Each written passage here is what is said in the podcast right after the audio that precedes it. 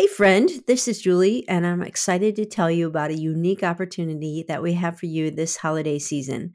One of the best ways you can help authentic intimacy is to share our resources with others. And starting today through the end of the year, We've made it possible for you to give the gift of an Authentic Intimacy membership to a friend. Your friend will receive full access to our Java with Juli archives, our monthly webinars, and discounts on resources. You can choose between a three month, six month, or 12 month membership. Learn more at authenticintimacy.com slash gift.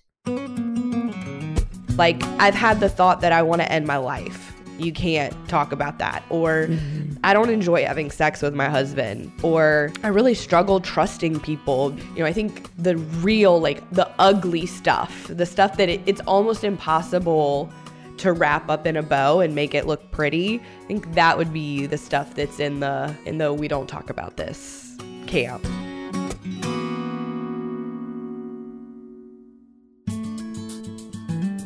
Friend, welcome to Java with Juli. I'm Juli Slattery, and I'm so glad that you're with me today. This is a listener supported podcast. It's an outreach of authentic intimacy, a ministry dedicated to reclaiming God's design for sexuality. Now, you've probably heard me say before that there really is nothing that separates our sexuality from our spirituality. We may put up walls to keep our struggles separate from our relationship with God, but the two are actually really intertwined.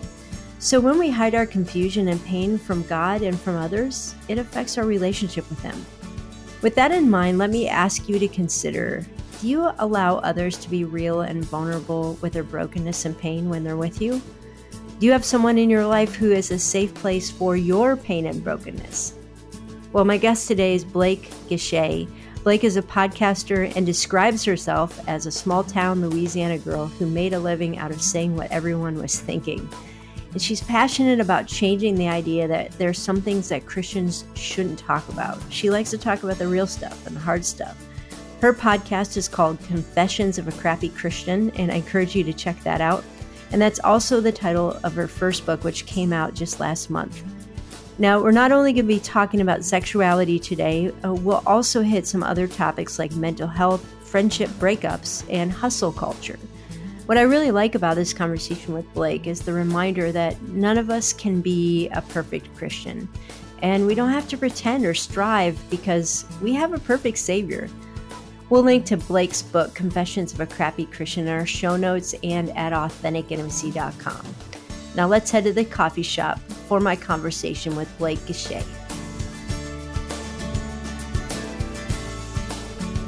Blake, thanks so much for joining me. You are a fellow podcaster, and I remember when I saw the title of your podcast and of your new book, Confessions of a Crappy Christian. I was like, are we allowed to say that word? and, and yeah, and then I got to know you because you had me on Confessions of a Crappy Christian. And I'm like, yeah, this is a good thing. And I really appreciate the raw conversations that you're encouraging Christians to have. Yeah, thank you. Thanks for having me. I'm excited to get to do this again. Yeah, so tell me the background. How did you come up with this idea of having a podcast and starting conversations? And how did you come up with the title? Well, the title really fell in my lap. Like, I consider it a God thing. I love alliteration, so that made me really happy. but the heart of it was I was deep in postpartum and stay at home mom and have struggled with mental health and mental illness for most of my life and was looking for those conversations, looking for like real, messy, still in process, in the trenches conversations. And at the time, this is four years ago, couldn't really find that. And so God kind of planted this seed of starting a podcast, and I very much was like, uh, no, mm-hmm. that is not that. I don't want to be in the spotlight. That's really not been, ever been my gig, which is why my podcast is very like guest centric and the crappy Christian part of it comes from the verses in Second Corinthians where Paul is talking about boasting in our weakness and Christ's mm-hmm. power being made perfect through us and how much of his glory shows through when we are willing to say like hey i'm not great at this or i don't do this perfectly and that's kind of the motive behind you know everything that i do on instagram and my podcast and my book and just kind mm-hmm. of showing up really like authentically not trying to like curate it's like people now give you that like curated imperfection Okay. And I'm like, no, like let's just yeah. let's just talk about the real thing, you know. That's another form of perfection, huh? Right. Yeah. Right. Yeah. Well, I'm a little bit older than you, probably quite a bit older than you, and so when I look at your generation, I'm like, yeah, they don't have trouble with being authentic or being messy. Like, go back 30 years. Oh yeah you couldn't admit anything. We weren't talking no. about mental health. We weren't talking about struggles. We weren't talking about sexuality, like many of the things that you bring up in your podcast and book. And so, help me understand why this is still an issue. I think some people in the older generation feel like your generation is even too raw sometimes. Yeah. I would agree with that. There are some things that even I see online that I'm like, okay, like some yeah. things can and should stay private. That's too much. But but I also think that there's always room to be growing and evolving and changing. And, you know, yes, we talk about mental health and mental illness a lot more comfortably now, but it is still relatively taboo within the church. And it is, we're just getting to where conversations about medication and therapy and needing help are getting a little bit more comfortable within like Christian circles, I would say. And so I think that's with everything. Everything is going to swing too far mm-hmm. one way. That doesn't mean that we don't keep fighting for it. Yeah. I was just this morning listening to a Russell Moore podcast, and he's definitely very conservative. And he had an advertisement on his show about mental health, and he actually used the word therapy. And I'm like, oh my goodness, like this Russell so Moore nice. talking about therapy. Yeah. It was a little bit of a shock for me, but you're right. And I think that there are some things that we naturally push back on, and there's good reasons we push back on it. You know, like, I don't think we throw everything out, but bringing these conversations to the forefront, I think, is really key. You know, Blake, let me ask you if somebody became a Christian and we, as soon as they walked into church or discipleship group, we gave them a manual of here's what you're allowed to talk about, here's what you're allowed to be honest about, and here are the things that if you really want to fit in here, you just don't talk about. What would that manual look like? I mean, I think you're very much allowed to talk about the safe things to struggle with. Like, I struggle with gossip, or I struggle with overspending or I struggle with overextending myself and doing too much for others kind of like how when you they tell you when you're in a job interview and they ask like what your weaknesses are and you're like I'm just a really hard worker. Like sometimes I just work too hard. But I'm this obviously does not speak for every church. This is just kind of I think people's global church experience. But then the things that like I've had the thought that I want to end my life you mm-hmm. can't talk about that. Or mm-hmm. I don't enjoy having sex with my husband because nobody is talking about what that even is supposed to look like enjoyably.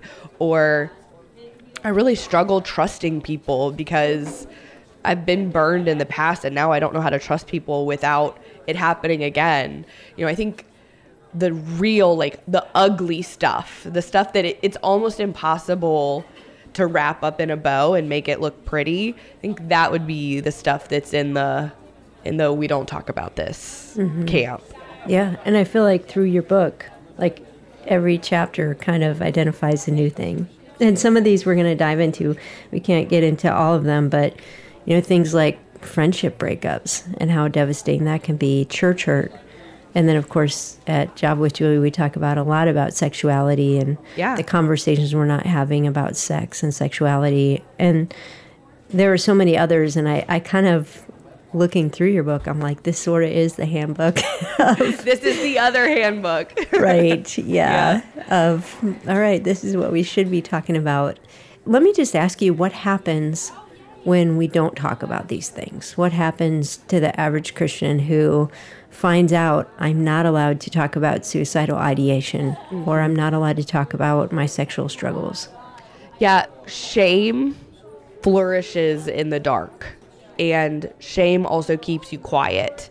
And shame makes you think that you're alone and that you're the only one. And there are so many things that I wrote about in this book for a really long time, I thought I was the only one.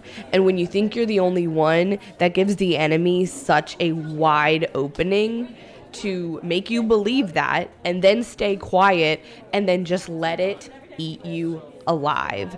Um, the like heralding message of the whole book is freedom is on the other side of what makes you uncomfortable.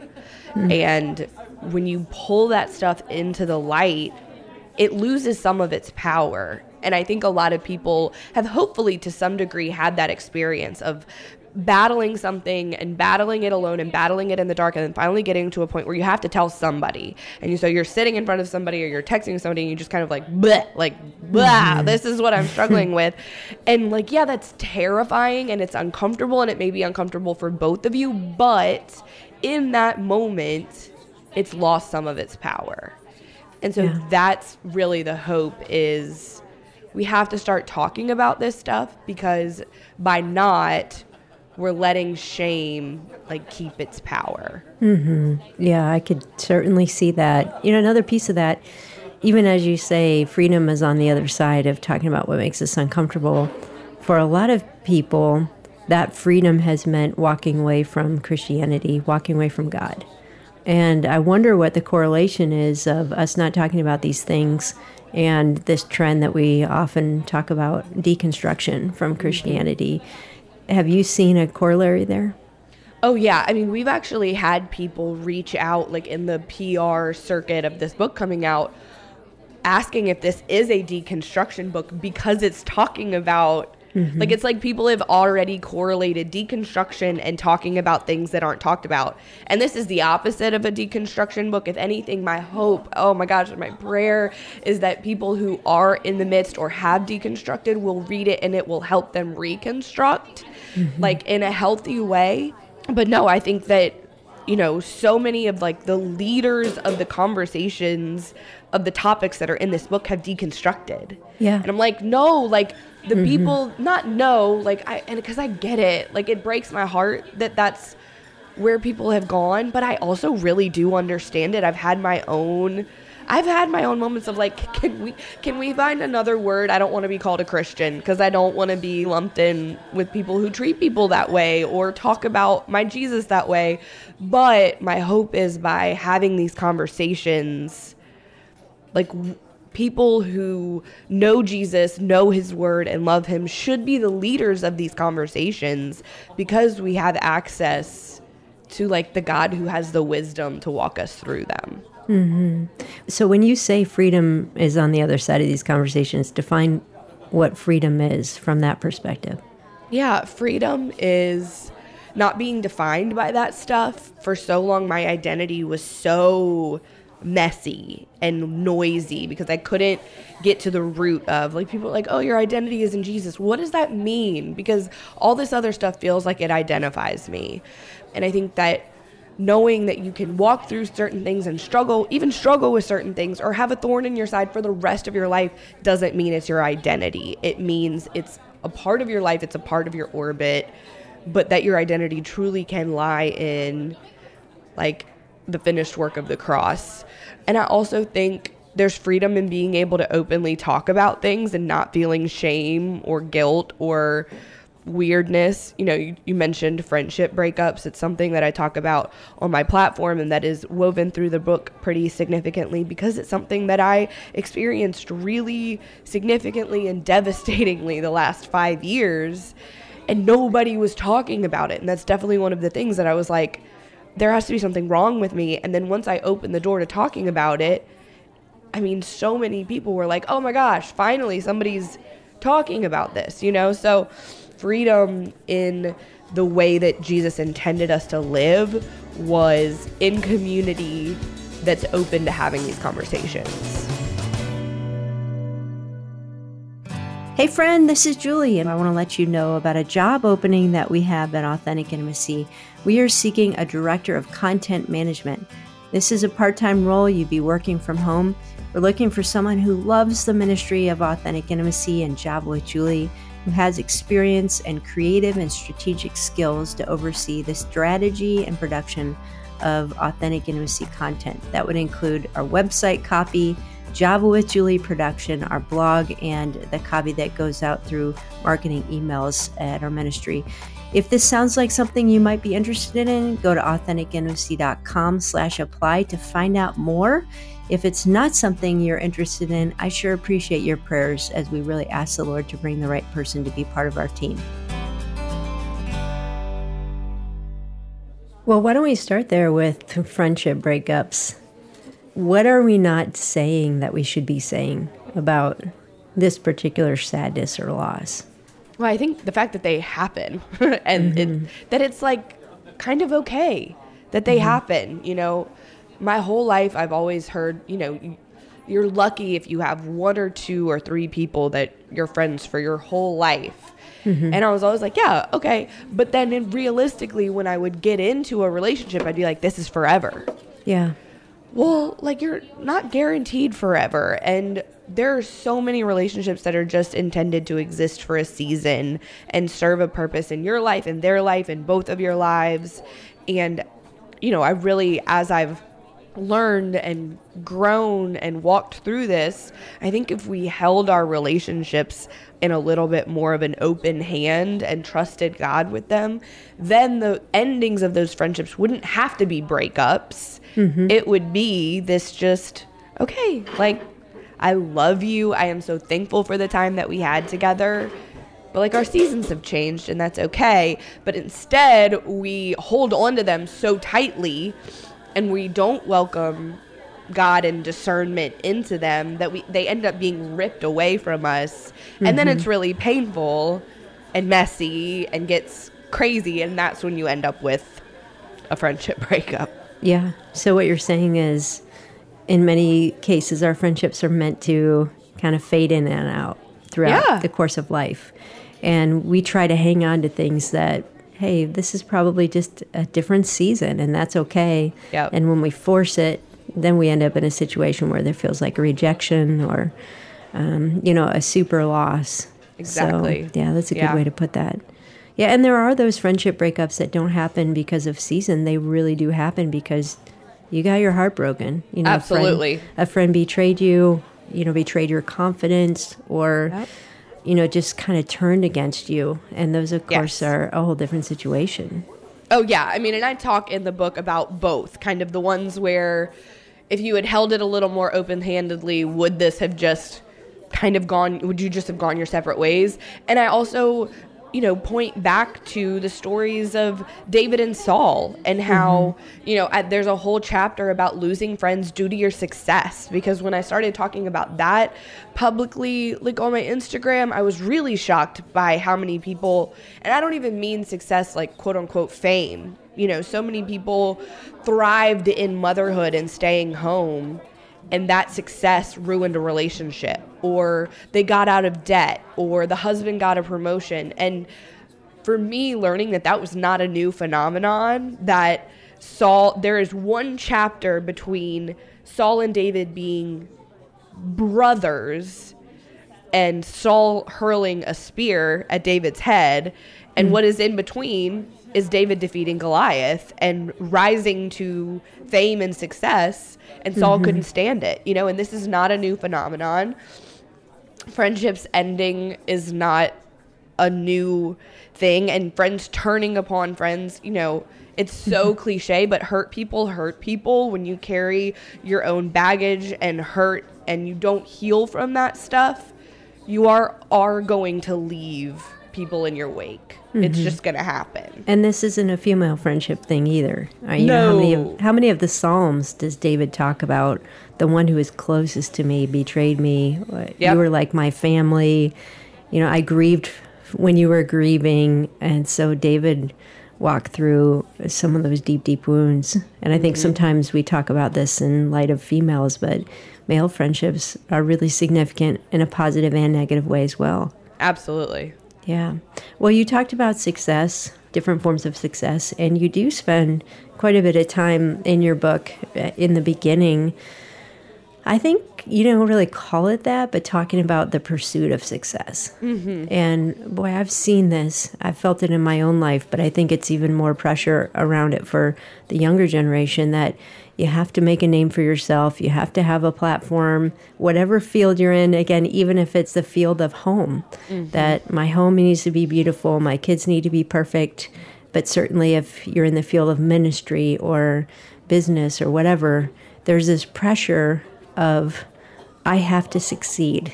Yeah. Can you talk about that a little bit and why you you chose to spend so much time kind of looking into that topic? Yeah, so I call it hustle culture mm-hmm. it, because it is this whole world that exists. And I think anybody who's gotten caught up in the whirlwind of it is like, oh, yeah, that's a whole world. That's a whole culture. It's got its own totem pole, it's got its own, you know, lingo, it's got its own like religion. It's crazy. And I got swept up in it before any of this, before my podcast, before any of that, I was actually a wedding planner. I owned a wedding planning business and was quite successful locally, you know. And in my attempts to grow and become a better business owner, I started learning from certain leaders and reading their books, and that just led to, and I was not probably on the most solid foundation theologically at the time, but got very swept in up into this like my productivity and what I bring to the table are my identity. That is such an exhausting way to live mm-hmm. because you can't rest. If you rest, you are failing. And you know, take a spin through Pinterest quotes and you're like yeah. they're literally say if you rest you rust. Wow which is the complete opposite of scripture. No, like Jesus didn't walk that out. God didn't exemplify that, but you start to believe it because you see other people killing it 24 hours a day, seven days a week. And it's an identity issue at the end of the day. I really do believe that if the women and men who are caught up in that hustle culture could step outside of the whirlwind and experience the kind of rest and peace that only Jesus can give you, that they too would not want to get back in. They wouldn't want to jump back into the hustle because I see it as like this tornado that's still always right there, kind of welcoming you into its orbit. And you have to like daily, if that's your propensity, if you're a hard worker, if you're naturally kind of a go, go, go kind of person, you have to make a decision. I'm not jumping into that Mm-hmm. There is nothing there for me.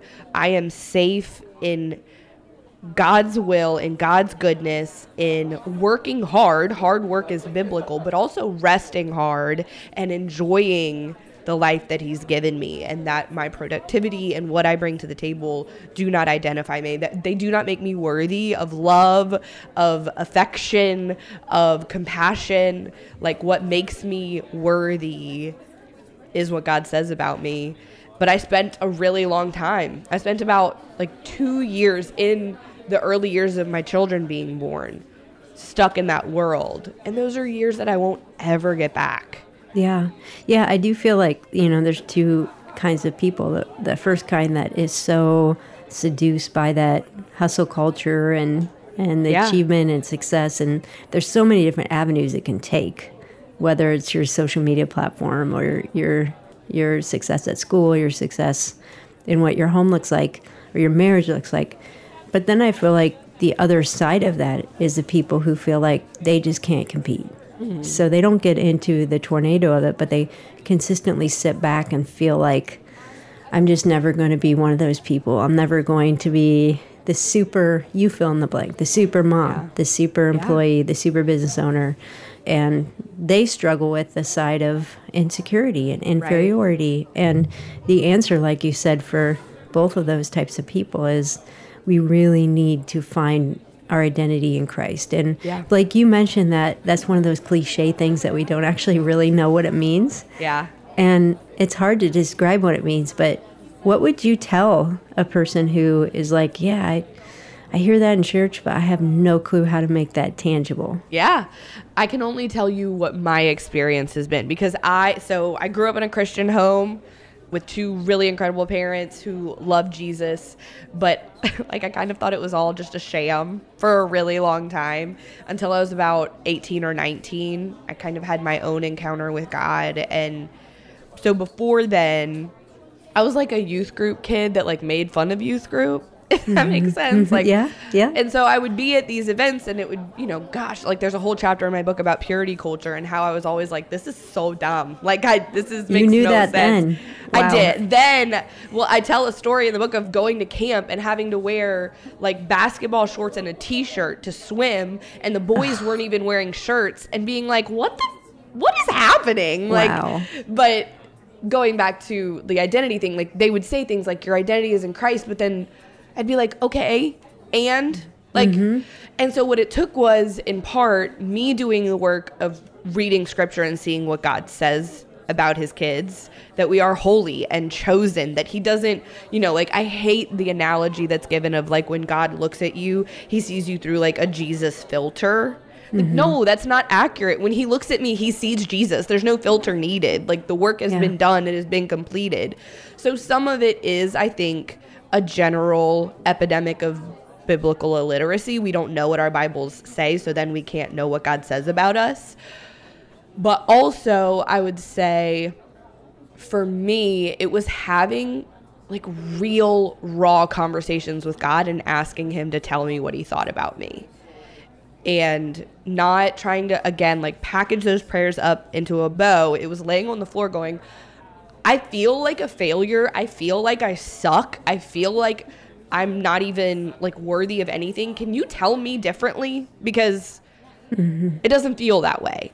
Yeah. and then being receptive and allowing him you know for me what it always comes down to is the cross you know and what i've heard god speak over me is you were worth sacrificing my son for you blake take it from a macro to a micro zoom it in jesus thought about you when he was dying the worst death available at the time that's insane like i have kids I love you, but I'm not. No, you can't have mm-hmm. them. You know, mm-hmm. and I think we make the gospel more than it is, and then we wonder why people are lost in it. yeah. You know, like it is extravagant, but also very simple and easy to put yourself in when you understand it. And then your identity being found in Christ, you're being found in this ultimate sacrifice that was made. And that is actually enough. Yeah. As you say that, I'm thinking about how grateful I am that Jesus had a public ministry for at least a few years that's Right. recorded in the Gospels because it's really hard for me to get my mind around the fact that that Jesus could have been thinking about me like Yeah. but it's not so hard for me to think about I'm the woman at the well Yeah. you know or I'm Zacchaeus who climbs a tree to try to see him and he sees me Yeah. so all those stories in the gospel, these are real people that Jesus took time to invite into life and he knew their story and he didn't condemn them. Yeah. That, you know, again, I just am reminded time and time again how much I need to spend time in the gospels. Yeah. And I think the TV show The Chosen does a great job of kind of bringing to life what that might have been like to live Yeah. in Jesus' time. And he's so personable. And I think, you know, sometimes we don't conceive of Jesus that way. Yeah. So, and, you know, one of the ways that I would say it if people ask me, and I think it wasn't until I was about 40 that I really felt like I wasn't just surviving on secondhand knowledge of God. Mm-hmm. You know, it just like believing what people told me instead of really spending the time to hear what God is speaking to me and saying to me Yeah. and nurturing that space. Yeah, I mean, there's a whole chapter in the book that's like, you can't know what you don't know. Yeah. And if you don't know it, someone else will tell you it. And Instagram can't be your Bible, you know? Yeah. Well, let's talk about mental illness. Thank you for, you know, just saying, hey, this is part of my journey. And I would love to know on your journey of asking God those really raw questions. What were some of the things that you asked him related to mental illness, and what are some of the ways that he has given you strength through that? Yeah, so I've struggled with anxiety since I was, I mean, I don't ever remember not. So, mm-hmm. I mean, I tell a story in the book of being about seven and having my first like physical anxiety response. And mm-hmm. I go back and forth, to be totally honest, between asking God to make it go away mm-hmm. and being really tired of talking to Him about it. I'm just gonna be totally honest. Like, yeah, I go through seasons where I am faithfully boldly approaching the throne and going, I don't want to do this anymore. Like, I'm really tired gosh, couldn't I be so much more effective for the kingdom if I wasn't curled up in a ball, right? Like, can we not do this anymore? And then I also go through seasons where I'm like, it is what it is. Like, mm-hmm. this is maybe this is my, you know, Paul's thorn in his side and it's fine. It still is not one of my favorite things to talk about because it is so vulnerable and so personal. But at the same time, I'm so thankful to have a platform from which I can share about it because it's so much more prominent and happens to so many more people than I think we even know. But as far as my, uh, you know, talking to God about it more often than not, when I'm bleeding out and I'm like, ah, like just losing it, I hear this still small, like quiet voice just go, Do you trust me? Hmm. And sometimes the answer is no. sometimes yeah. I'm like, No, I don't right now. I and I am fully aware of that. And I know that a lot of my panic and anxiety are, if I'm being honest, related back to a constant struggle with trusting him and probably some control issues. But when he asks me that, it's always a really good, like, true north to be able to try to turn back to that. No, okay, yes, I do trust you because you've never given me a reason not to. Like, even when sucky things have happened, you have walked me through them, is kind yeah. of where he and I land. Mm-hmm. Do you ever have people say things to you that just, uh, you know, this sort of rhetorical question, because I know the answer is yes, but like, all right, Blake, this is your sin problem. You know, oh, like, yeah.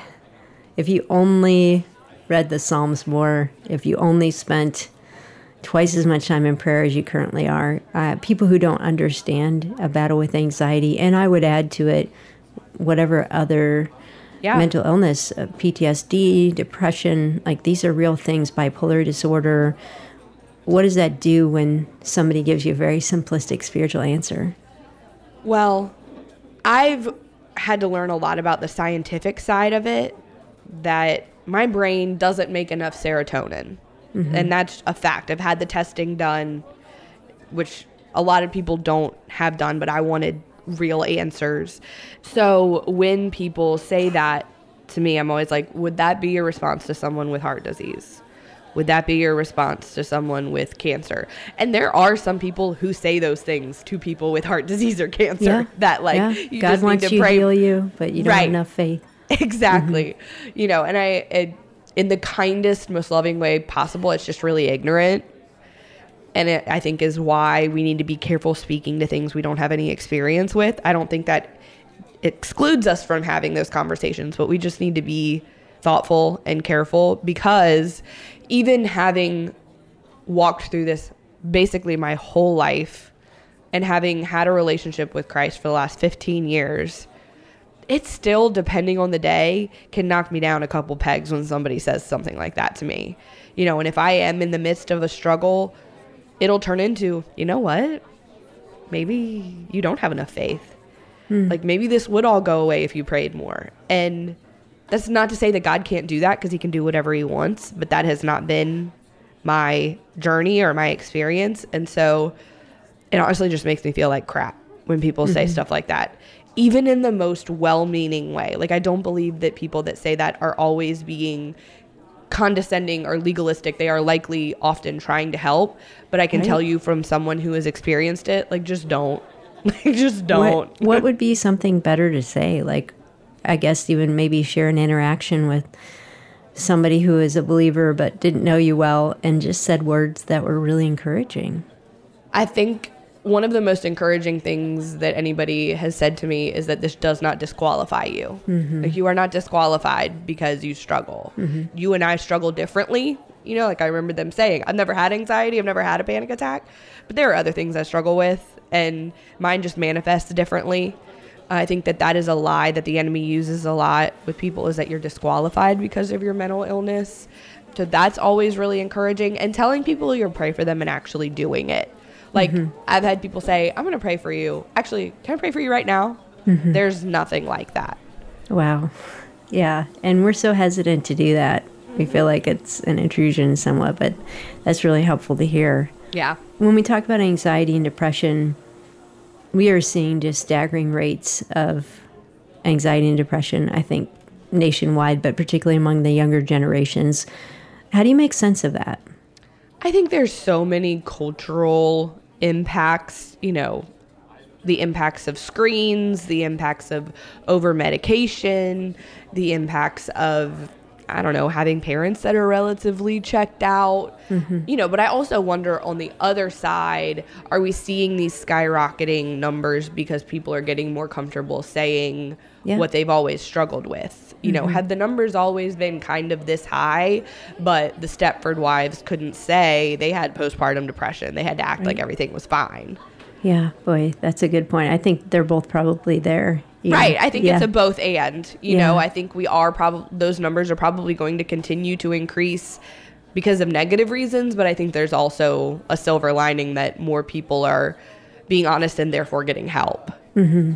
You are a mom. How many kids do you have, and how old are they?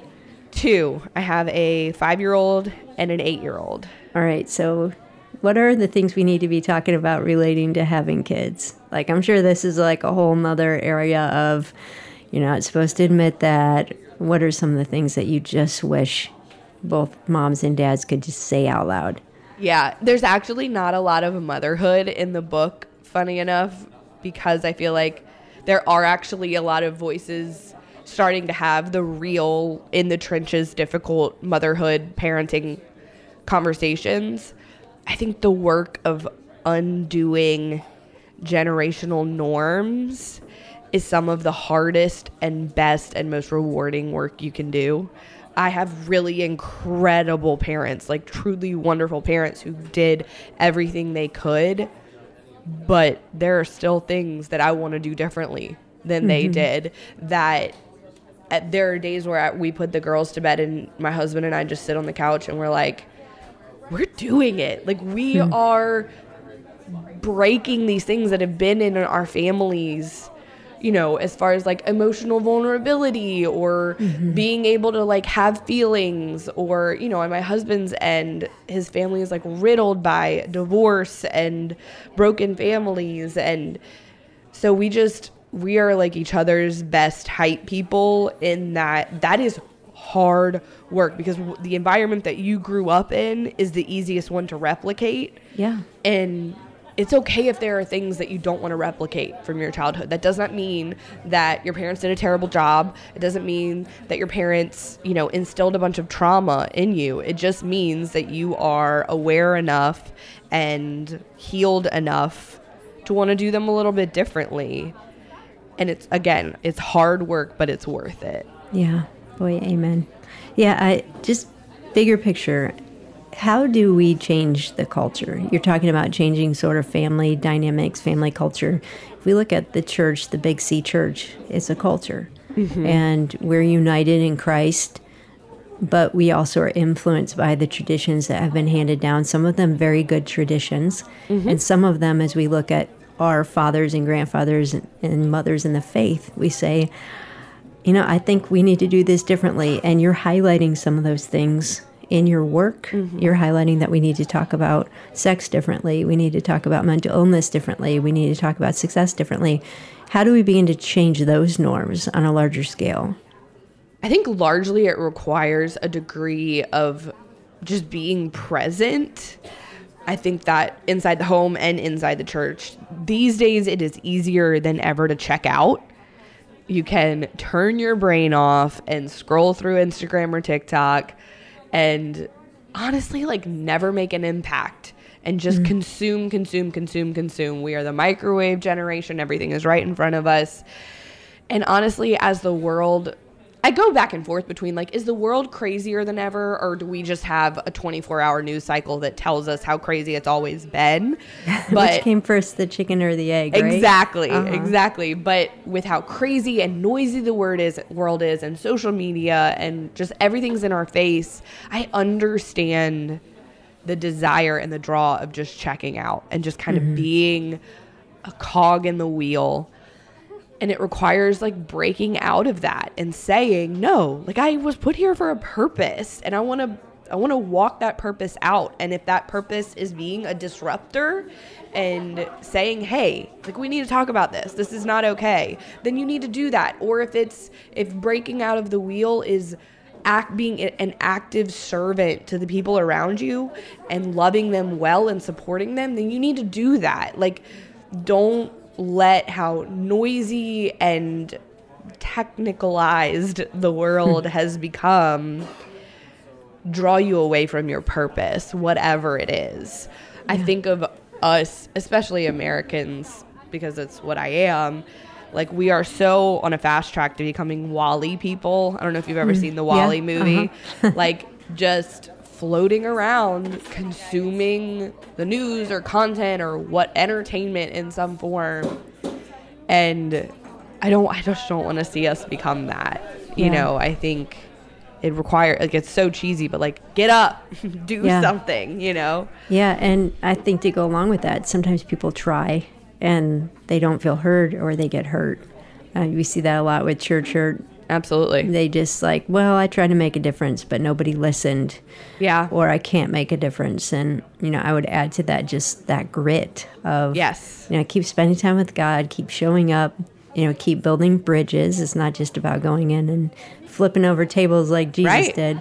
You know, it's like relationship and learning from the older generation so that they want to hear from you. Um, so right. it's a long term goal. Absolutely. Like it's longevity. I think that people think that they're not being heard because they said something one time, mm-hmm. you know, and I also do business coaching. And one of the things I'm always telling people is people can't show up to a show that's not happening. Yeah. Like, yeah, you stepped up to the mic once. I'm really proud of you. I know that was scary and that was hard, but now you got to do it again.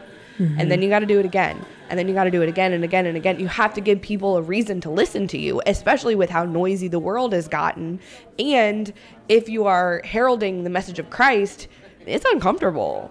Like yeah. it's a little bit offensive. So you're not going to be drawing crowds immediately. So like stay in the game and trust that the people that are supposed to hear what God is giving you will hear it. Well, I sure hope that you're encouraged that nope, you're never going to be perfect. You're not going to be a perfect Christian, husband, wife, mom, or friend. So you can put down that heavy load right where you are because we really do have a perfect Savior. And you can rest knowing that His grace is sufficient for you for today, for tomorrow, and forever. We'll link to Blake's book, Confessions of a Crappy Christian, in our show notes and at AuthenticIntimacy.com. Thanks for listening, and I look forward to having coffee with you next time on Java with Juli.